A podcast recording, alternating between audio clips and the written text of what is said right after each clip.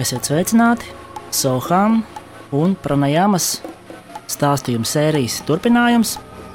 Šodien mums ir astotā sērija, un šoreiz mazliet vairāk parunāsim par iegūmiem no regulāras pranajāmas praktizēšanas, kā arī varbūt tās izņēmuma kārtā mazliet vairāk arī padalīšos ar savu personīgo pieredzi, praktizējot pranajāmu. Nu, tad tā, aiziet, ceru, esat iekārtojušies ērti, gatavi klausījumam, un sāksim.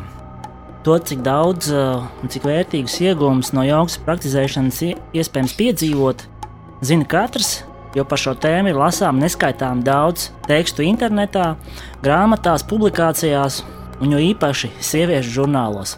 Arī jebkurš par šo tēmu veikts pētījums būs bagāts ar slavējošiem vārdiem par jogas, meditācijas un pranāmas efektivitāti, ietekmi uz veselību, slimību profilaksi, mentālo veselību un pat neirožu un psihožu ārstēšanu.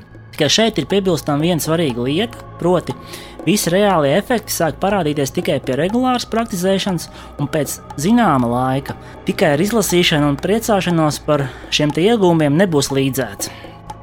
Nu, kā jau teicu, šoreiz mazliet vairāk pastāstīšu par savu personīgo pieredzi un to, cik ilgs laiks pagāja, pirms tika piedzīvot pirmie jūtamie rezultāti. Lūdzu, lūdzu neustveriet to kā kādu izrādīšanos vai kā man sava ego apmierināšanu.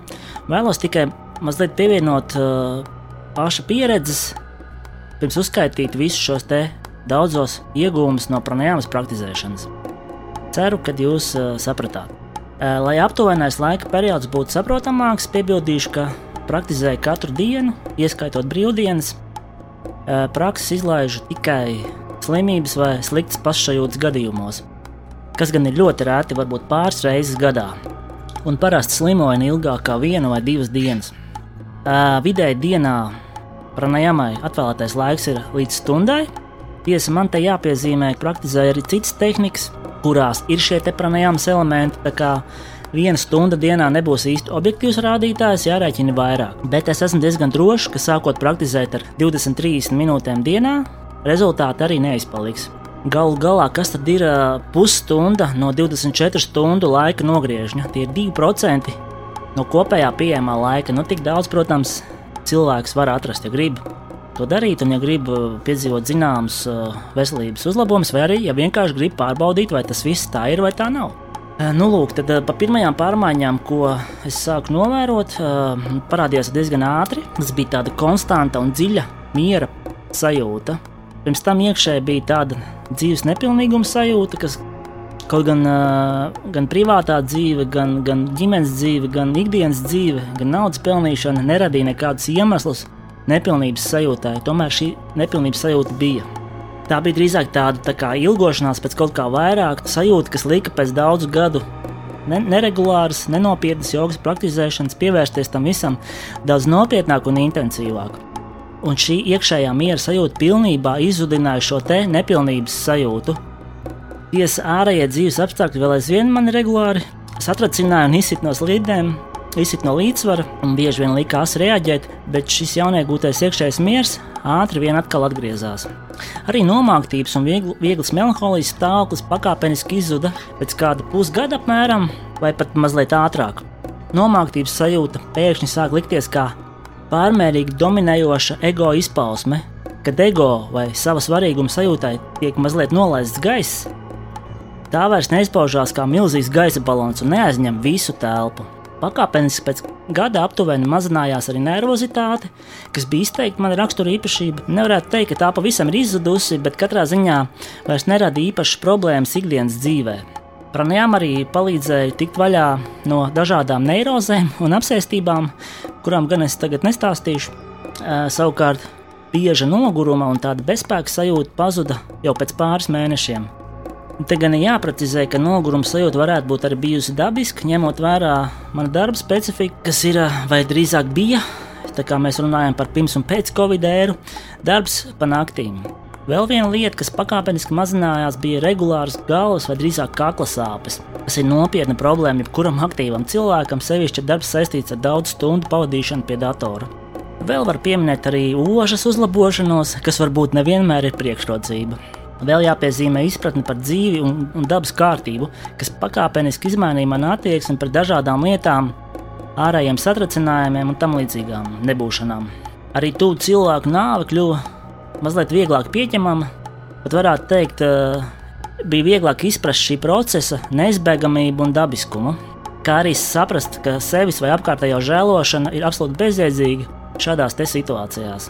Stipri pieaug spēja koncentrēties un mentāli strādāt, jūtam uzlabojās arī atmiņa, arī operatīvā atmiņa. Regulāri sēžot sakrustotām kājām un taisna muguru, uzlabojās arī stāja. Taisna mugura kļuva par regulāru paradumu, ko iesaku praktizēt jebkurā situācijā, mājās, darbā, guļot, ēdot, pat ejot uz mazmājiņu. Par būtisku intuīcijas spēju pieaugums nevarētu lielīties, eh, tomēr spēja noskanēt cilvēkus, apstākļus, situācijas un attiecīgi operatīvi rīkoties gan uzlabojās diezgan jūtami. Tāpat tās komunicējot ar cilvēkiem, pamanāmā kļuva tā saucamā noklusētā puse. Ja cilvēks kaut ko cenšas slēpt, vai nepateikt, vai pat melot, tad eh, šis moments kļūst diezgan viegli arī pamanāms un sajūtams. Un noslēdzot savu pieredzi stāstu un ķeroties klāt uh, visu iegūmu uzskaitīšanai, vēl pieminēšu vienu neparastu gadījumu. Nē, esmu gan droši, vai to vajadzētu stāstīt. Tā kā nezinu, vai cīņa ir galā, bet fakts ir tāds, ka praktizējot pranajāmu un regulāri to darot piemājas dārzā pie meža, neizbēgami nācās saskarties ar ērču problēmu. Katru gadu pa pāris ērcēm nācās vien izvilkt no savas miesas. Nu, lūk, tad eh, neko ļaunu nenojaušot, viena no šīm mērcēm vēlāk izrādījās bija laimes slimību, par ko es uzzināju tikai pēc vairākiem gadiem, pie kam arī pavisam nejauši. Līdz ar to es varētu apgalvot, ka pateicoties jogas praksēm, šī slimība man praktiski neskāra. Tikai nejauši veicot asins analīzi, noskaidrojās speci specifiskās antivielas klātbūtne manā ķermenī. Tiesa, es gan nevarētu apgalvot, ka slimība izdzīvoja bez jebkādām blakus parādībām. Kā jau iepriekš minēju, sūdzējos par regulārām galvas un kakla sāpēm, kuras pēc infektuologa domām nevarētu būt slimības simptomi, jo laimes slimība parasti citot pa locītavām un nerviem, taču vai kakls arī savā ziņā nav locītava, tas paliek atklāts jautājums. Nu, tik tālu par pašu pieredzi.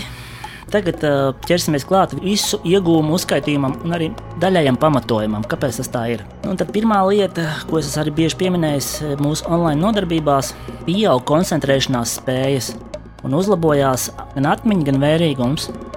Pakāpeniski pieaug arī prāta spēks un tā intensitāte. Tas ir saistīts ar to, ka nomierinot elpošanu un arī prānas, nomierinās ne tikai ķermenis un prāns, bet nomierinās arī prāts. Prāts vairs neskraida uz rīņķa un nav tik negatīvs, viņš kļūst asāks. Prāniem arī palīdz attīrīt prātu no liekas informācijas, kas ir ļoti svarīgi. Ko nereti mēs bez vajadzības nesam sev līdzi, aizņemot daudz lieku gigabaitu uz tāda simboliskā mūsu cietā diska, ko mēs varētu saukt par prātu vai atmiņu. Līdzsvars labajā un kreisajā smadzeņu pusē, prāts kļūst rāmāks un mierīgāks, mazinās nemiera sajūta. Šis ir klasisks eh, Nadīša Hana pranajāma efekts. Principā ar vienu vienkāršu tehniku nodrošina visu hatha jogas uzdevuma būtību. Pakāpeniski aktivizējot gaisa plūsmu kreisajā un tad labajā nāsī, mēs aktivizējam abas smadzeņu puslodes, kas atstāja tūlītēju ietekmi uz prātu, uz apziņu, uz emocijām un uz ķermeni. Protams, lieki piebilst, ka arī meditācijā līdz ar to padodas daudz vieglāk. Un tieši tāds ir arī Hatha jogas pamatu uzdevums. Vēl jāpiebilst, ka pozitīvā ietekme uz prātu un smadzeņu darbību saistīta ar to, ka pranajām un arī citas jogas prakses sakārto mūsu prātu, un tas vairs nav tik fragmentēts. Tu saproti, ka tev nav visu laiku jāspēlē dažādas lomas - vīrs, sieva, māte, tēvs, meita dēls, darba kolēģis, kaimiņš, radinieks vai ienaidnieks un tā tālāk. Visas šīs lomas mums piespiež uzvilkt zināmu masku, tā tad fragmentēties. Joga tevi savāc kopā un padara viengabalaināku, ja piemērot visām dzīves situācijām un lomām.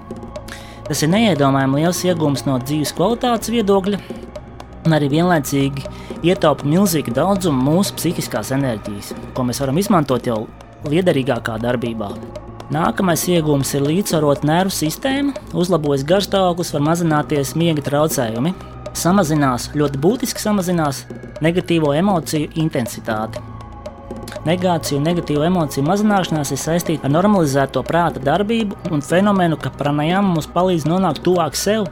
Un savā dziļākajā būtībā mēs neesam ne negatīvi, mēs esam drīzāk pozitīvi, vai vēl precīzāk būtu teikt, mēs esam neitrāli, sevi un dabas likumus izprotoši, Un te vairs nav vieta ne negācijām, ne ego radītajām mākām un vēlmēm. Viss jau ir un viss ir klātesošs. Nākamā lieta ir pieauga enerģijas līmenis un darba spējas.